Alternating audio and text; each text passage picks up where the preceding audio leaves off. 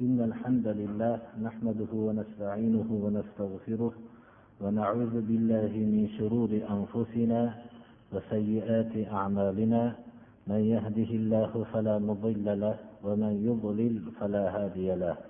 وأشهد أن لا إله إلا الله وحده لا شريك له. وأشهد أن محمدا عبده ورسوله. أما بعد السلام عليكم ورحمة الله وبركاته alloh subhanahu va taolo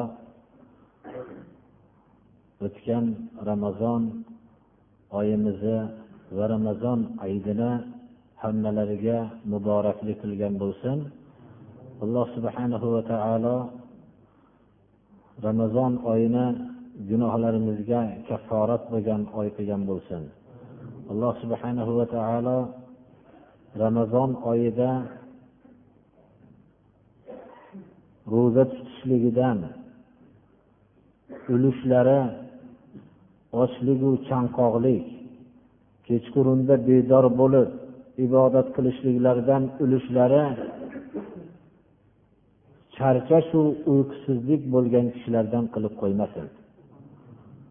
Rasululloh sollallohu alayhi vasallam aytdilarki ba'zi bir kishilarning shu mazmundagi hadisi muboraklari borki ba'zi kishilarning ro'zadan o'zlarining topgan ulushlari chanqoqligu ochlik kechqurundagi bedor bo'lib bo'lishligidan maqsadlari faqat charchovu uyqusizlik degan ekanlar. Ya'ni ramazoni sharifdan manfaatlanmagan. Kechqurundagi qiyomullayldan o'ziga bir manfaat hosil qilolmagan. Ro'zadagi sunnatlarni rasululloh sollallohu alayhi vasallam ta'lim bergan odoblarni rioya qilish rioya qilmaslik natijasida hech qanday o'ziga ramazoni sharifdan bir manfaat hosil qilmagan. Faqat och yurgan chanqoq yurgan va hamda uyqusiz bo'lib charchab turgan xolos. Shulardan qilib qo'ymasin. Ramazoni sharifdan manfaatlanishlikni belgisi ramazondan keyinla inson o'zining hayotida bir qisman o'zgarishlikni his qilishligidir. Qiyomillayl butunlay ramazoni sharifdan keyinla tark qilib qo'yib ertaman sahar turib turgan odam sahardan mahrum bo'lib qolishlik bu ramazondan foydalanolmaslikni belgisidir. Shuning uchun ham rasululloh sollallohu alayhi vasallam shavvol oyidagi olti kunni ro'za tutishlikka targ'ib qildilar buyurmadilar lekin targ'ib qildilar. Hayit kunida birinchi kunidan keyin ba'zi ulamolar ba'zi ulamolar bo'lsa shavvol oyidan olti kun tutishlik kifoya qiladi.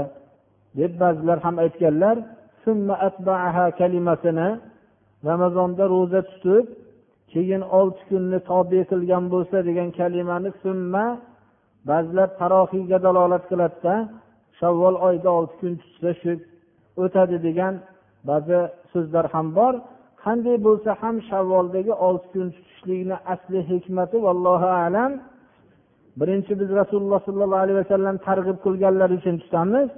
Va ba'zi bir hikmatlari vallohu alam shu bo'lsa kerakki har bir amalni ham bir qismini inson bir vaqtda qilib shundan yaxshi amaldan bir qutulgan degan hisni o'zida qoldirmasligi kerak. Oxirgi vaqtda o'zi bu amal yaxshi amal bo'lsa buni davomini qilishlikka agar buyruq bo'lsa tayyor ekanligini o'zida ko'rsatmoqligi kerak. Mana bu shavvol oyidagi olti kun mana bu ma'noni ifodalaydi birodarlar. Misoli shunga o'xshaydiki hayotdagi hamma ishlar bir yaxshi ish uchun katta kuch sarf qilganingizdan keyin siz bundan keyin yana bir yaxshi ish ro'baro bo'lib qolganda yana bu men shu ishga ro'baro bo'lamanmi? degan malolat qalbda bo'lmasligi kerak. Shunday malolat bo'lmagan kishigina yaxshi ishni davomiy suratda qila oladi. Chunki hayotdagi ishlar mana bu narsani talab qiladi. Misoli shunga o'xshaydiki rasululloh sollallohu alayhi vasallam uhud jangida katta bir musulmonlar mag'lubiyatni ham ko'rishdilar va g'alabani ham tatib ko'rishdilar. Rasululloh sollallohu alayhi vasallamning tishlari sindi yuzlari qonga belandi. O'zlarining eng yaqin sahobalar shahid bo'lishdilar. U kishini himoya qilishlik atrofida juda ko'p kishilar shahid bo'lishdilar.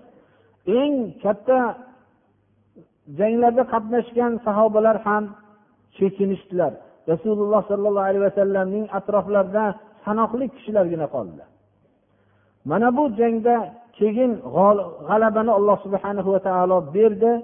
Jangdan qaytib madinaga qaytib turganlarida endi safar va jangning og'irligidan bir yuvinib moqchi bo'lib turganlarida jibril alayhissalom keldilarda siz qurollarni qo'ydingiz liboslaringizni yechyapsiz ammo biz qurolni ham qo'yganimiz yo'q libosni ham yechmadik dedilar. Nima buyruq dedilar? Banu qurayza bu fitnani uyushtirgan banu qurayzada borishlikka olloh buyuryapsiz dedilar. Shunda aytdilarki sahobalarga buyruq qildilarki biror kishi asr namozini o'qimasin magar banu qurayzaga borib o'qisin. Ana shunday og'ir jangdan kelib kelgan kishilarga ollohning buyrug'i imtihon bo'ldi. Shu vaqtda olloh rasulini buyrug'iga bo'ysunib chiqib ketishdilar. Ana shunga o'xshagan bizning ba'zi bir ibodatlarimiz bizni mana shunday ruhda tarbiyalaydi. Bizni bir og'ir bir amalni qilganimizdan keyin yana bir og'ir bir amal duchor bo'lgan vaqtda ramazoni sharifni ro'zasidan foydalana olmagan kishilar u amalga o'zlarini xuddi yangidan chiqqanday bo'lib tayyor ekanliklarini ifodalaydi vallohu alam shavvolning olti kuni ham bizning zimman mana bunday ishlarga tadrib chiniqtirishlikni odobi bo'lsa kerak. Alloh subhanahu va taolo bizlarga mana shunday ulug' oyni nasib qildi. Shu oydan biz mana o'tkazgan bo'ldik. Alloh subhana va taolo gunohlarimizga mag'firat qilgan bo'lsin. Id namozlarida biz musulmon birodarlarni muborakbod qilolmaganligimiz uchun hozir muborakbod qilishlikni esdan chiqarmasdan shuni hozirgi vaqtda muborakbod qilishlikni ham bo'lsa o'rinli deb muborakbod qilmoqchi bo'ldim.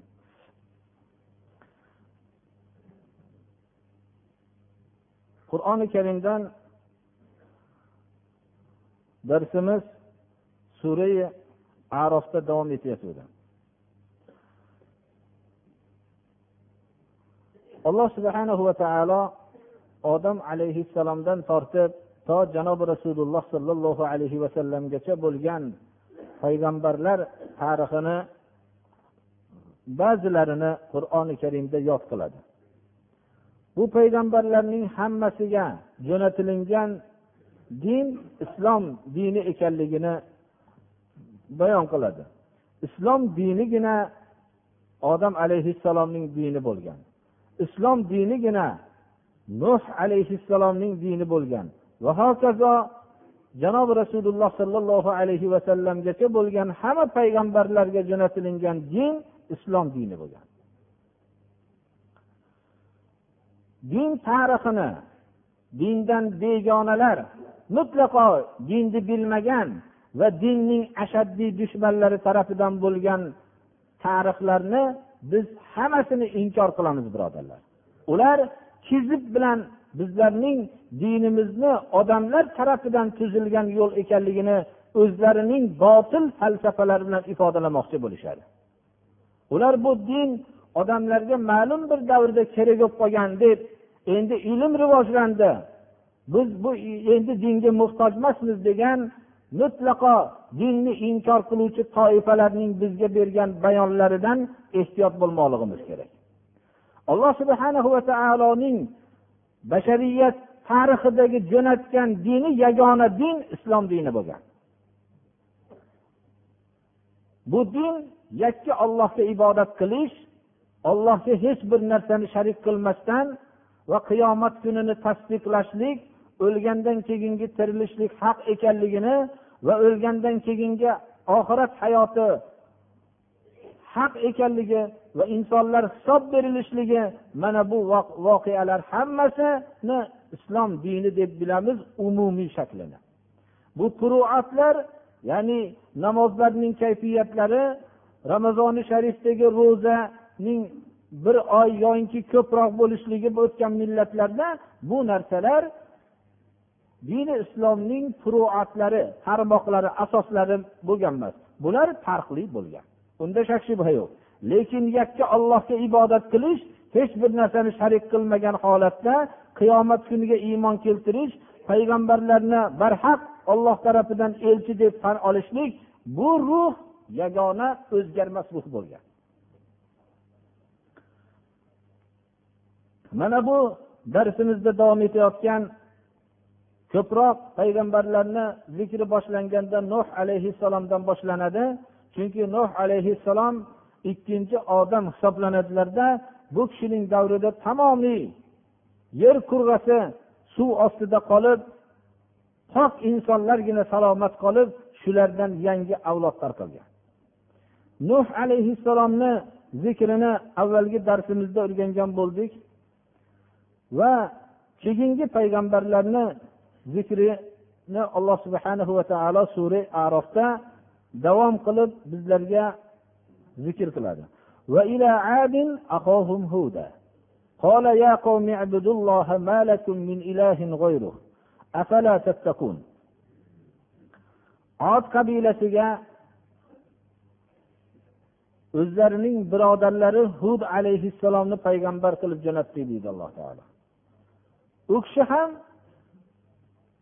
birodarlari nuh alayhissalom xalqlar qavmlariga nima degan bo'lsalar shunga buyurdilar. Ya qavmi ey xalqim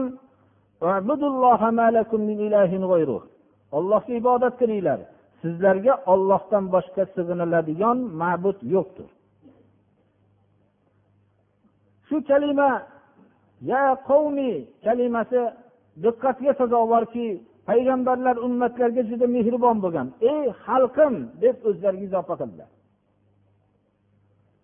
Bu darajada payg'ambarlarga ozor bergan kishilarni bunchalik muloyim bilan xitob qilinishlikka sazovor emas edi bo'lmasam. Agar payg'ambarlarning qalbida shunchalik mehribonlik bo'lmaganda ular aytishmadilarki shuncha ozor bergan xalqlarni shunchalik haqqa chaqirgan vaqtda bo'xton qilgan xalqlarni ey hayvonlar! demadilar. Biror bir hayvonni nomi bilan chaqirmadilar. Ey menga ergashmagan toifalar deb chaqirmadilar. Ya qavmiy dedilar. Ey xalqim! dedilar. Shunchalik alloh subhana va taolo payg'ambarlarning qalbiga shunchalik mehrni qo'ygan edi. Shunchalik ozor bergan kishilarni ham o'zlariga izofa qilib ya qavmi ey xalqim deb xitob qilgan edilar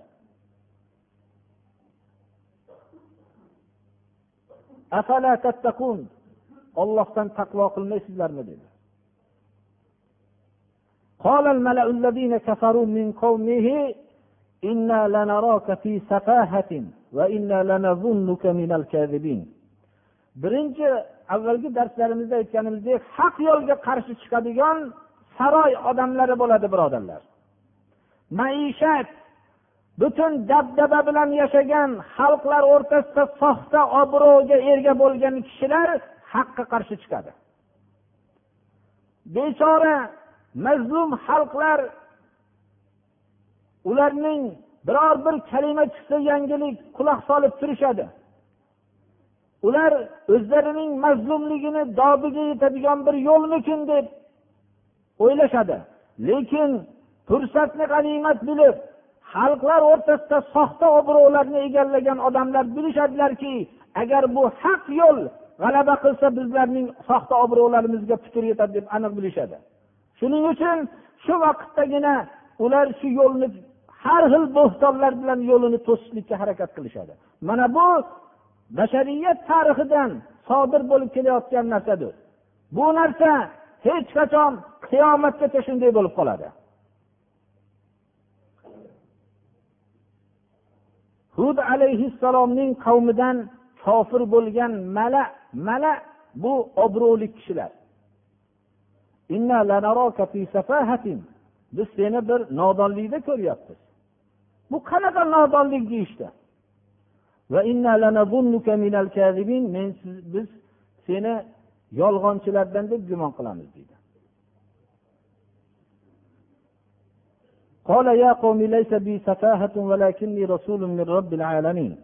Payg'ambarlar munozarani uzoqtirmaydi. Haq yo'lda ketayotgan kishi tortishishlikka ko'p muhtoj emas.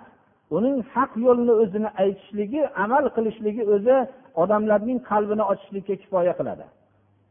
Ey xalqim menda nodonlik yo'q.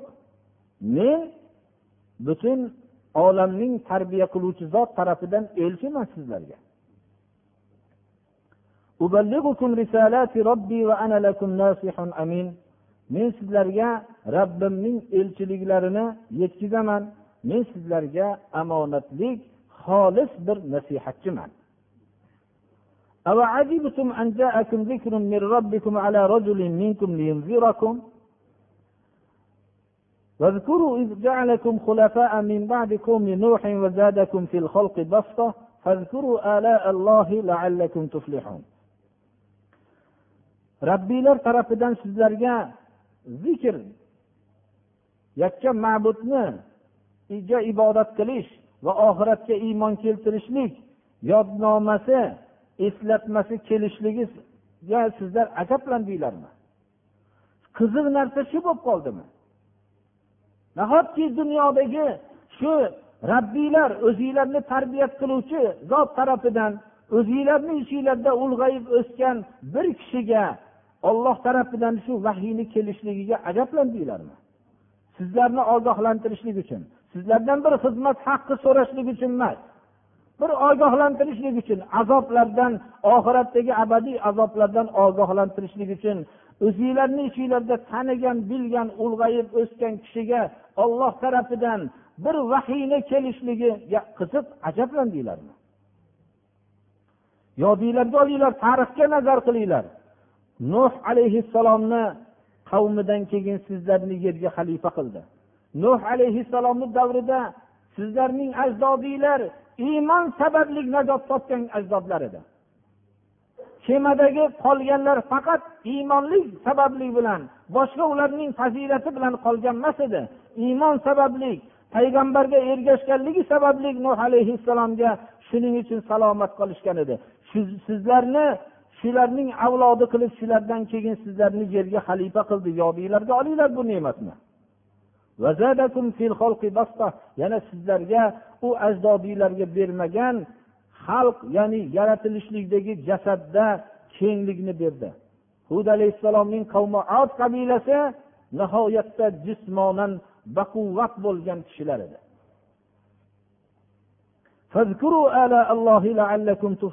Ollohni ne'matini yodinglarga olinglar. Bu najot yo'lidir. Ollohni ne'matlarini yodga olishlik bu najot topishlikka sababdir.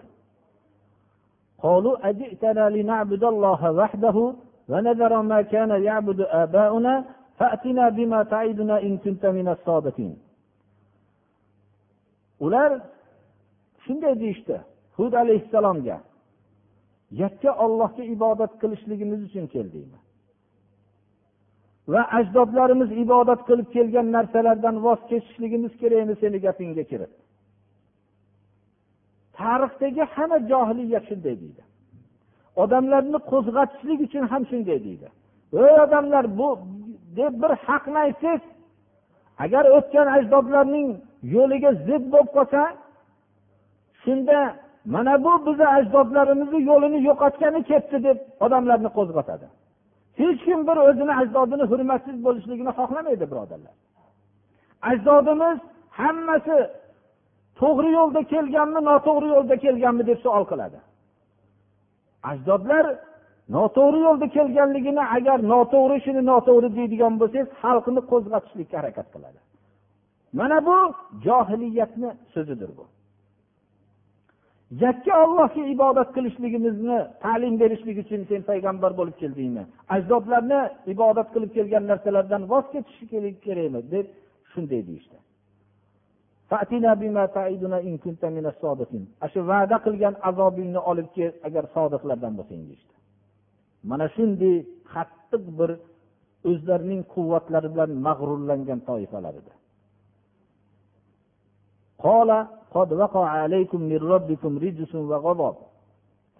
sizlarni ustinglarga robbinglar tarafidan nopokligu g'azab tushibdi balo tushibdi sizlarni ustinglarga. Shu so'zga jur'at qilyapsizlarki sizlar olloh tarafidan g'azabga duchor bo'libsizlar أتجادلونني في أسماء سميتموها أنتم وآباؤكم ما نزل الله بها من سلطان men bilan o'zinglar qo'yib olgan nomlar haqida munozara qilasizlarmi butlarni har xil nomlar qo'yishib olgan insonlar har xil narsalarni o'zlariga ibodat qilishlik uchun nomlar qo'yishib olgan alloh subhana va taolo bularga hech qanday qudrat tushirgan emas sizlar ham kutinglar men ham sizlar bilan birga kutuvchiman alloh subhana va taolo mana bu oyatda hud alayhissalom va hud alayhissalom bilan birga bo'lgan kishilarni o'zimiz tarafidan bo'lgan rahmat bilan ularga najot berdik bizlarning oyatlarimizni yolg'on deganlarning ildizini quritib tashladik qirqib yubordik. Ya'ni tag bilan yo'qotib tashladik. Ot qabilasini alloh taolo shamol jo'natdida bu shamol bilan hammalari halok bo'ldi. Bunday halok bo'lishlarini sababi mo'min emas edi ular. Baquvvat edi. Moli davlatda juda ko'p edi. Ular qurgan qasrlarni hech kim qurolmaydigan qasrlar qurishgan edi. Tog'lardan toshlarni yo'nib kelib juda katta qasrlar qurishgan edi. Lekin bu narsalar ularni saqlolmadi. Ular iymonlari yo'q edi. Bu balodan iymon saqlardi. Iymonlari yo'qlik sababli ularni alloh subhana va taolo tubdan yo'qotib tashlaganligini bayon qiladi. Ba'zi vaqtda insonni haqqa chaqirib agar bu haq yo'lni qabul qilmasang boshingga bir balo tushadi. Ollohni g'azabiga duchor bo'ladisan. Olloh seni uradi degan vaqtda mana hozir shuni ursin deydigan olloh urgan odamlar ko'pdir. Olloh shu azobni jo'natsin degan odamlar o'zi shu vaqtda endi senga ollohni azobi tushdi seni olloh uribdi deb qo'yavering olloh subhana va taologa shunchalik jur'at qilishlikdan ortiq ollohni urishi bo'lmaydi birodarlar. Uni rasvo bo'lganligi shu o'zi uni. Mana bu kishi ham aytiladiki robbiylar tarafidan sizlarga nopoklik azobu g'azab tushibdi sizlarga dedilar. Azobingni olib kel deganlarida shunday dedilar. Siz unga ayting ollohni urishi bundan ortiq bo'lmaydi deng.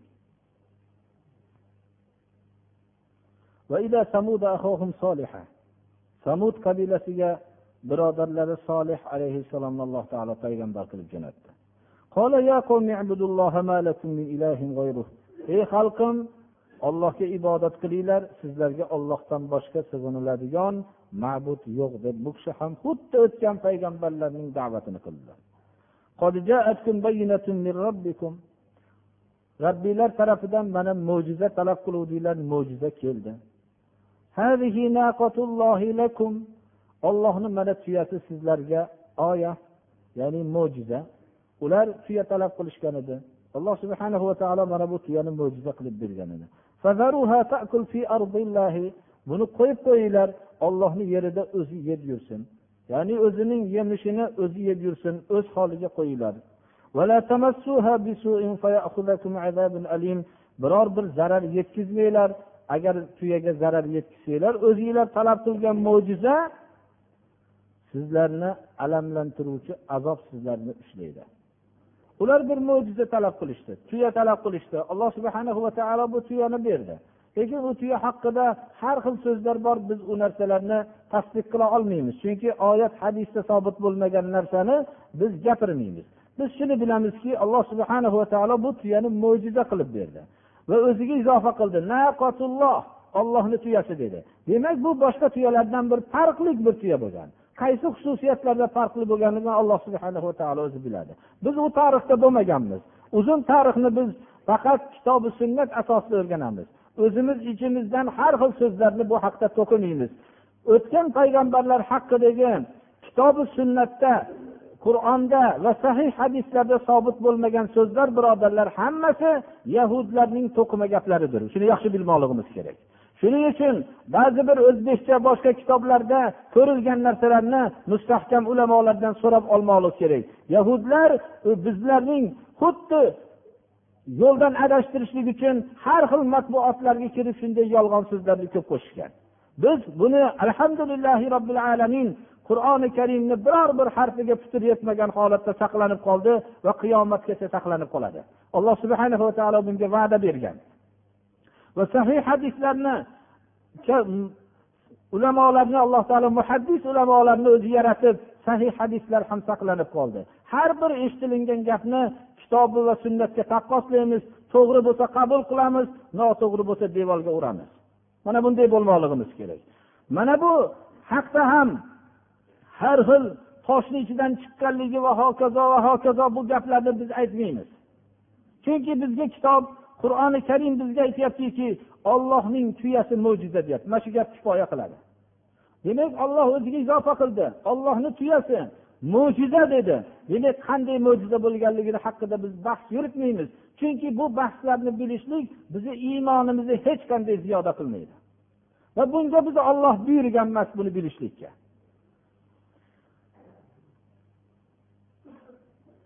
Bu kishi solih alayhissalom xalqqa buyurdilarki o'z holiga qo'yinglar dedilar. O'zini yemishni o'zi topib yeydi. Zarar yetkazmanglar dedilar. Insonlar doim hukm bo'ladi. Bir narsani qilma desa shuni bir qilib ko'rsam nima bo'lar ekan deydi. Qil degan narsani qilmaydi. Qaysi bir narsa buyurilgan bo'lsa qilmaydi. Shariat buyurgan buyruqlarni qilmaydida biror narsadan man qilingan bo'lsa darrov shuni bir qilib ko'rsammikin deydi. Agarki shuni qilganda halok bo'lasan desa ham shuni bir qilib ko'raman deydi. Bunga zarar yetkazmalar sizlarga alamlantiruvchi azob yetadi desa alamlantiruvchi azob yetadi degan payg'ambar shunday mo'jiza tuyani ollohga duo qilganlarda olloh shuni muhayyo qilib bergan payg'ambar so'zini mo'jizalarni ko'rib turgan so'zni qabul qilmasdan bir zarar yetkazib ko'rishdi.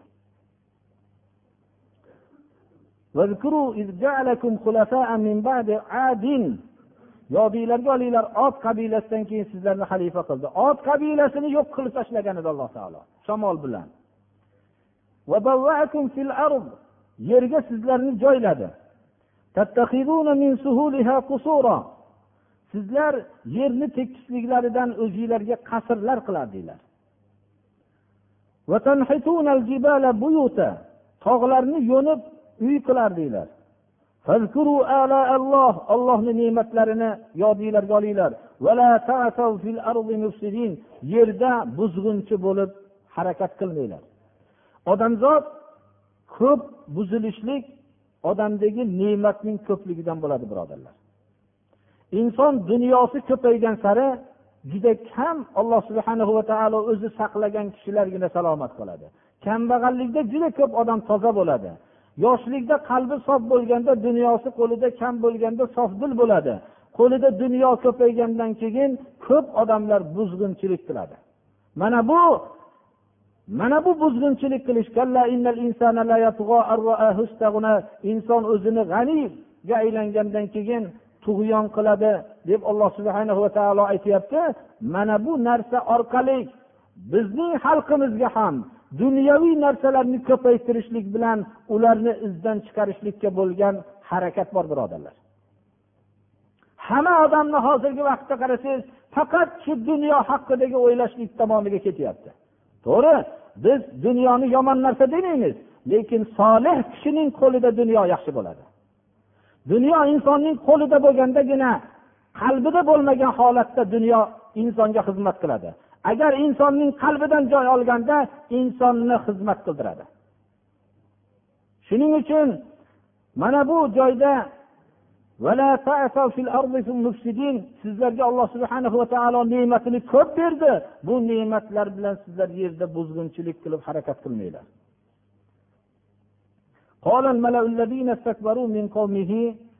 للذين استضعفوا لمن آمن منهم أتعلمون أن صالحا مرسل من ربه قالوا إنا بما أرسل به مؤمنون قال الذين استكبروا إنا بالذي آمنتم به كافرون yana xalqlar o'rtasidagi soxta obro'lik saroy odamlariga kelamiz qarshi chiqqanlar shular solih alayhissalomning qavmidan mutakabbir sanagan o'zlarining mutakabbir sanagan saroy odamlari zaif sanalingan kishilarga kimlar ular? Iymonli kishilar.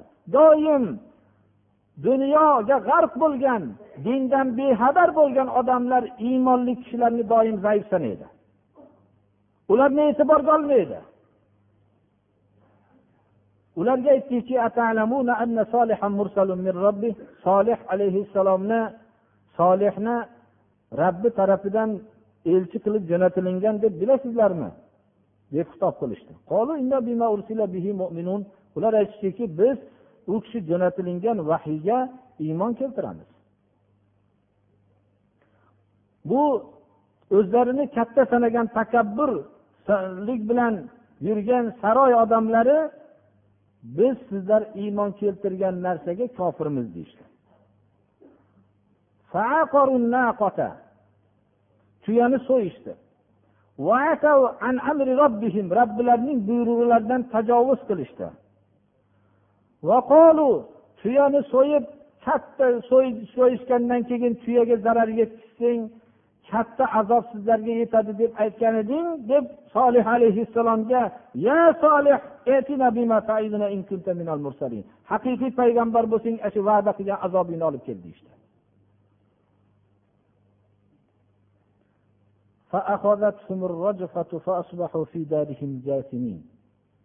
rojifa qattiq bir sayha yoyinki qattiq bir titrov vujudga keldi qattiq bir tovush alloh subhana va taolo jo'natdi ularni hammasini halok qildi ular o'zlarining diyorlarida cho'kkalagan holatda qatib shunday toshga o'xshab qolishdi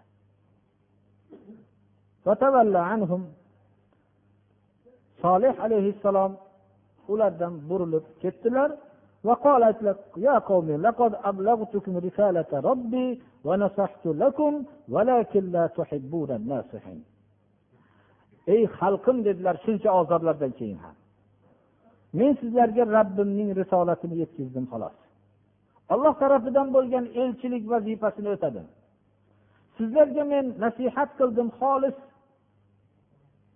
lekin sizlar nasihatchi odamlarni yaxshi ko'rmaydigan toifa ekansizlar mana olloh tarafidan balo keldi sizlarni halok qildi.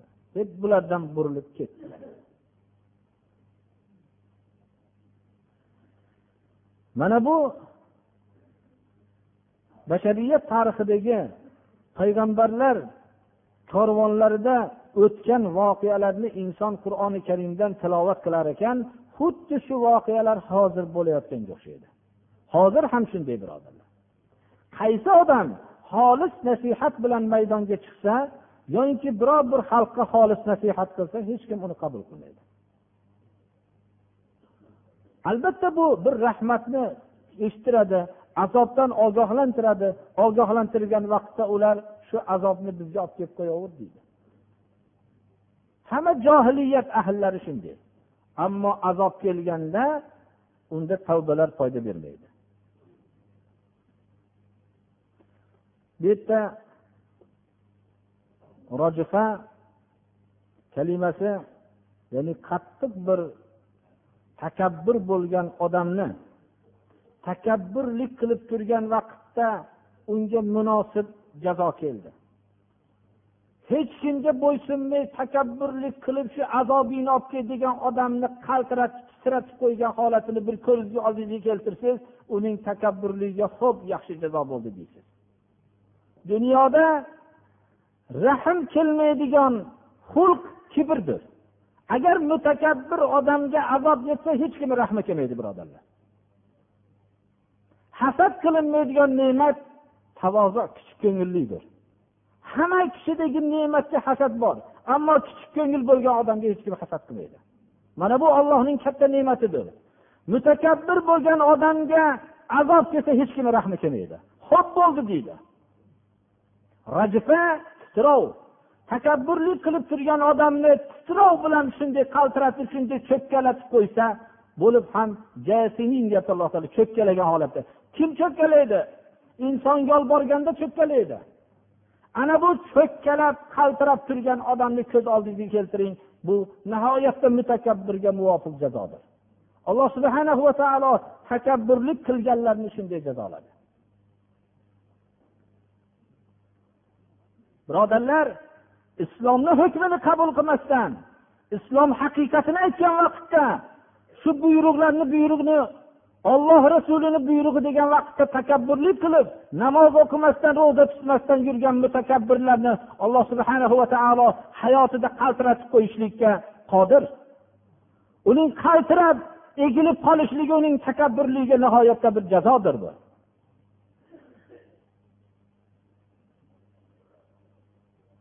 Alloh subhana va taolo bu bizga payg'ambarlar tarixini bizga ibratlanishlik uchun xabar beryapti.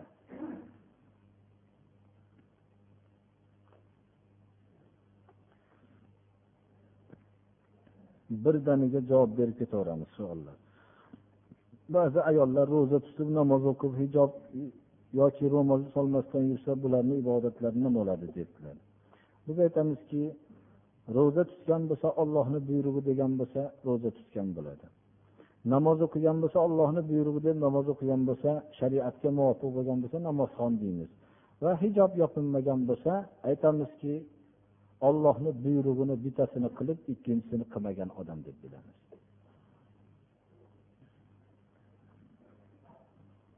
Bayramlar haqida so'ralibdi islomda bayram ikkita bayramimiz bor. Bu idi ramazon idi qurbon va bizning har haftadagi bayramimiz juma namozi. Juma kuni har mo'min odamga har haftada bayram bo'ladi. Nima uchun? Juma namozi o'tgan juma namoziga xatolarga kafforat bo'ladi. Gunohlarni mag'firat qilinishligidan ko'ra katta bayram yo'q insonga. Mo'min odam o'zining bayrami deb gunohlarni mag'firat qilingan kunni aytadi. Ollohga osiy bo'lmagan kunini bayram deydi. Boshqa millatlar bo'lsa o'zlari musulmonlar bayramlarida eng pokiza axloqqa ega bo'lishsa boshqa millatlar bayram kunlarida eng o'zlarining inson bo'lganlariga attang qilib inson bo'lib yaratilganligiga attang qilib boshqa hayvonotlarga qo'shiladigan xulqlarga o'tishadi musulmonlar bo'lsa maloika tabiatiga qarab yurishadilarki o'zlarining inson qilib yaratganligiga shukur qilishadilar. Misol qilib aytganimizda idi ramazon va idi qurbonda fitr ro'zalarni berishadilar kambag'allarga berishadilar. Boshqa kunlarda qilmagan ehsonlarni shu kunda qilishadilar. Biror bir silay rahm qarindoshlar bilan bordi keldi qilmayotgan kunda shu kunda bordi keldi qilishadilar. Shu kunda o'zlarining pokiza yuvinishadilar pokiza liboslarni kiyishadilar va shu libosni kechga borganda balchiqqa bulab kirishmaydilar. Va shu liboslarini ular kiyishib o'zlarining eng axloqli saqlashadilar. Mollarini shu kunda isrof qilishmaydilar. Ular shu kunda kiygan xushbo'ylanishadilar va o'zlarining bugungi kunda gunohlari kechiriladigan va'dada kishilardan bo'lishligini orzu qilishadilar. Biz musulmonlar ning ikkita bayrami bor va hokazo har juma kunida bizning bayramimiz bor birodarlar. Taloq masalasidan so'rabdi.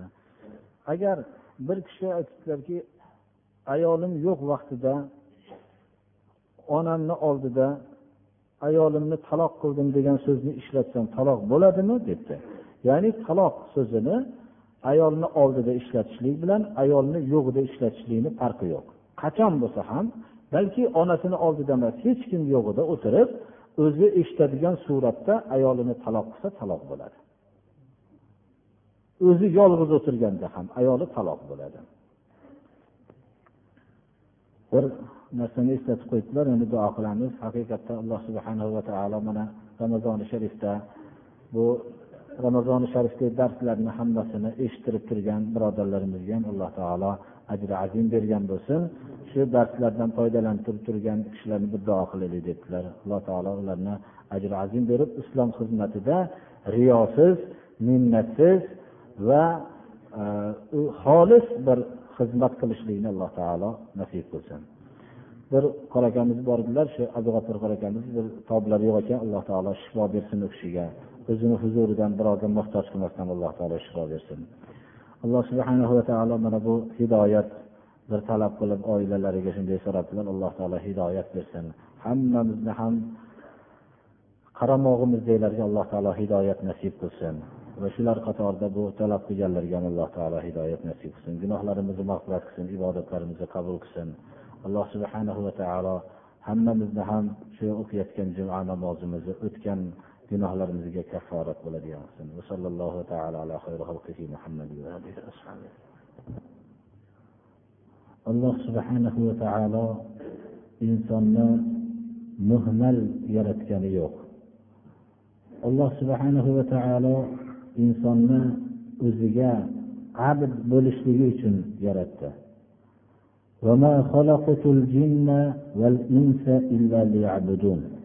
Inson va jin toifasini faqat o'zimga ibodat qilishlik uchungina yaratdim deydi alloh taolo. Demak hayotning asl maqsadi ollohni o'zigagina ibodat qilish hech bir narsani sharik qilmasdan. Buning uchun biz to'rt bir masalani bilmoqligimiz zarurdir birinchi ilm. Ikkinchi amal. Uchinchi shu ilm va amalga bo'lgan da'vat chaqiruv. To'rtinchi shu ilm va amalga bo'lgan da'vat yo'lida yetgan ozorlarga sabr qilishlikdir.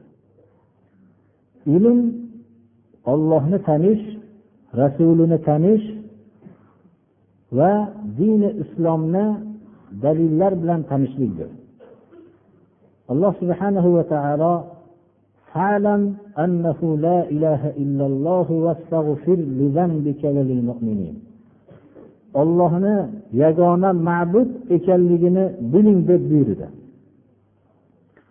mana bu ilm ollohni tanish olloh yagona ma'bud deb tanishlik va shunga amal qilish bu amal qilishlikni ma'nosi shuki ibodatni faqat alloh subhana va taoloni o'zigagina qilib hech bir narsani sharik qilmaslikdir bu yo'lga chaqirishlik alloh subhanahu va taolo ادعو إلى سبيل ربك بالحكمة والموعظة الحسنة وجادلهم بالتي هي أحسن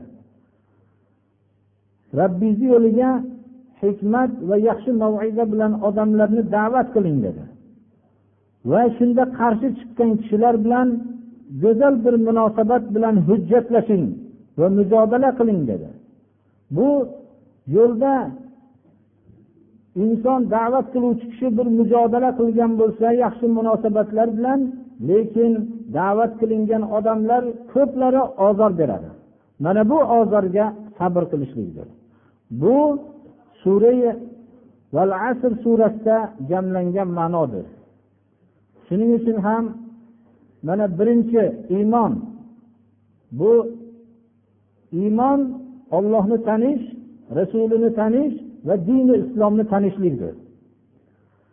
Amal bu solih amallarni qilishlikdir. Va solihat kalimasi va bu haqqa vasiyat qilish bu da'vat qilish va sabrni vasiyat qilish shu da'vat yo'lidagi ozorlarga chidashlikdir shuning uchun ham imom shofiy rahmatullohi alayh لو ما أنزل الله حجة على خلقه إلا هذه السورة لكفتهم agar alloh subhanahu va taolo o'zining xalqiga suratul asrdan boshqa hujjatni tushirmaganda shu sura kifoya qilgan bo'lardi degan ekanlar Shu o'zi bilan bandalar o'rtasidagi hujjatlikka kifoya qiladi degan ekanlar.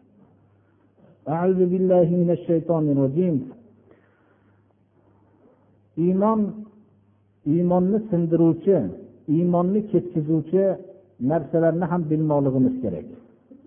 Tahoratni ketkizuvchi narsalar agar insonda sodir bo'lsa tahorati ketganga o'xshagan iymonni sindiruvchi yo'qotuvchi ketkizuvchi narsalar sodir bo'lsa inson iymondan mahrum bo'ladi. Tahoratni yangi qilishlik lozim bo'lganga o'xshagan iymonini ham yangilamoqligi kerak. Iymonni sindiradigan narsalar bir qisqacha qilib keltirsak to'rt qismga bo'lsak birinchi qismi billah alloh subhanahu va taoloni inkor qilishlikdir. Ya'ni olam o'z öz o'zidan bo'lgan olamni tabiat yaratgan deb aytishlik bu dahriylikdir. Bu bilan kishida iymon alomati qolmaydi. Bu kishi shaytondan ham yomonroqdir. Chunki shayton ollohni yaratganligini tan olgan. Odam alayhissalomga sajdaga buyurgan buyurilgan vaqtda u sajda qilmadi. Ana minhu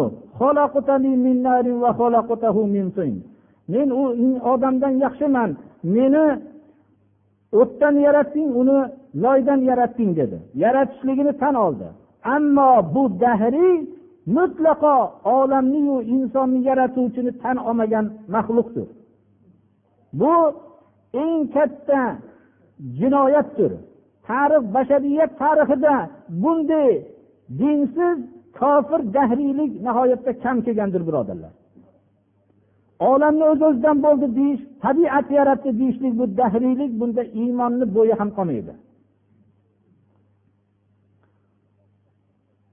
Alloh subhanahu va taoloni ikkinchi yagona ma'budligini inkor qilishlik va allohga bir narsani sharik qilishlikdir. Bu iymonni ketkizuvchidir. Rasululloh sollallohu alayhi vasallamning davridagi mushriklar ollohni yaratuvchi ekanligini tan olishgan. Koinoti yerni olloh yaratgan deyishgan insonlarni olloh yaratgan deyishgan va koinoti yerni olloh boshqaradi deyishgan. Lekin yagona ma'budga ibodat qilishmagan. Ollohga boshqa narsalarni sharik qilganliklari uchun mushrik bo'lishgan. Alloh subhana va taolo shirkni kechirmaydi.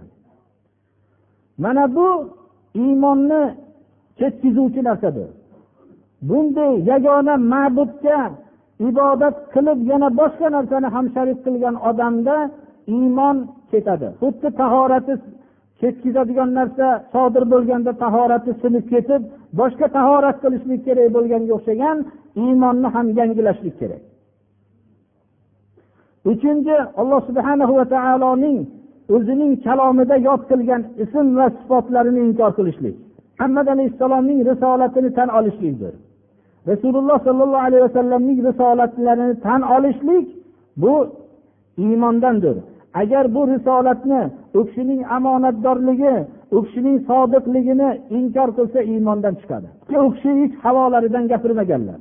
Dunyodagi insonning eng katta buyurilgan olloh tarafidan buyurilgan amal tavhiddir eng katta qaytarilingan amal shirkdir shu shirkdan saqlanishlikdir واعف عنا مع جميع نقصاناتها بفضلك وكرمك يا اكرم الاكرمين ويا ارحم الراحمين اللهم استرنا بسترك الجميل في الدنيا والاخره اللهم احفظنا يا فياض من جميع البلايا اللهم اهدنا إلى ما فيه صلاحنا وخيريتنا في الدنيا والآخرة.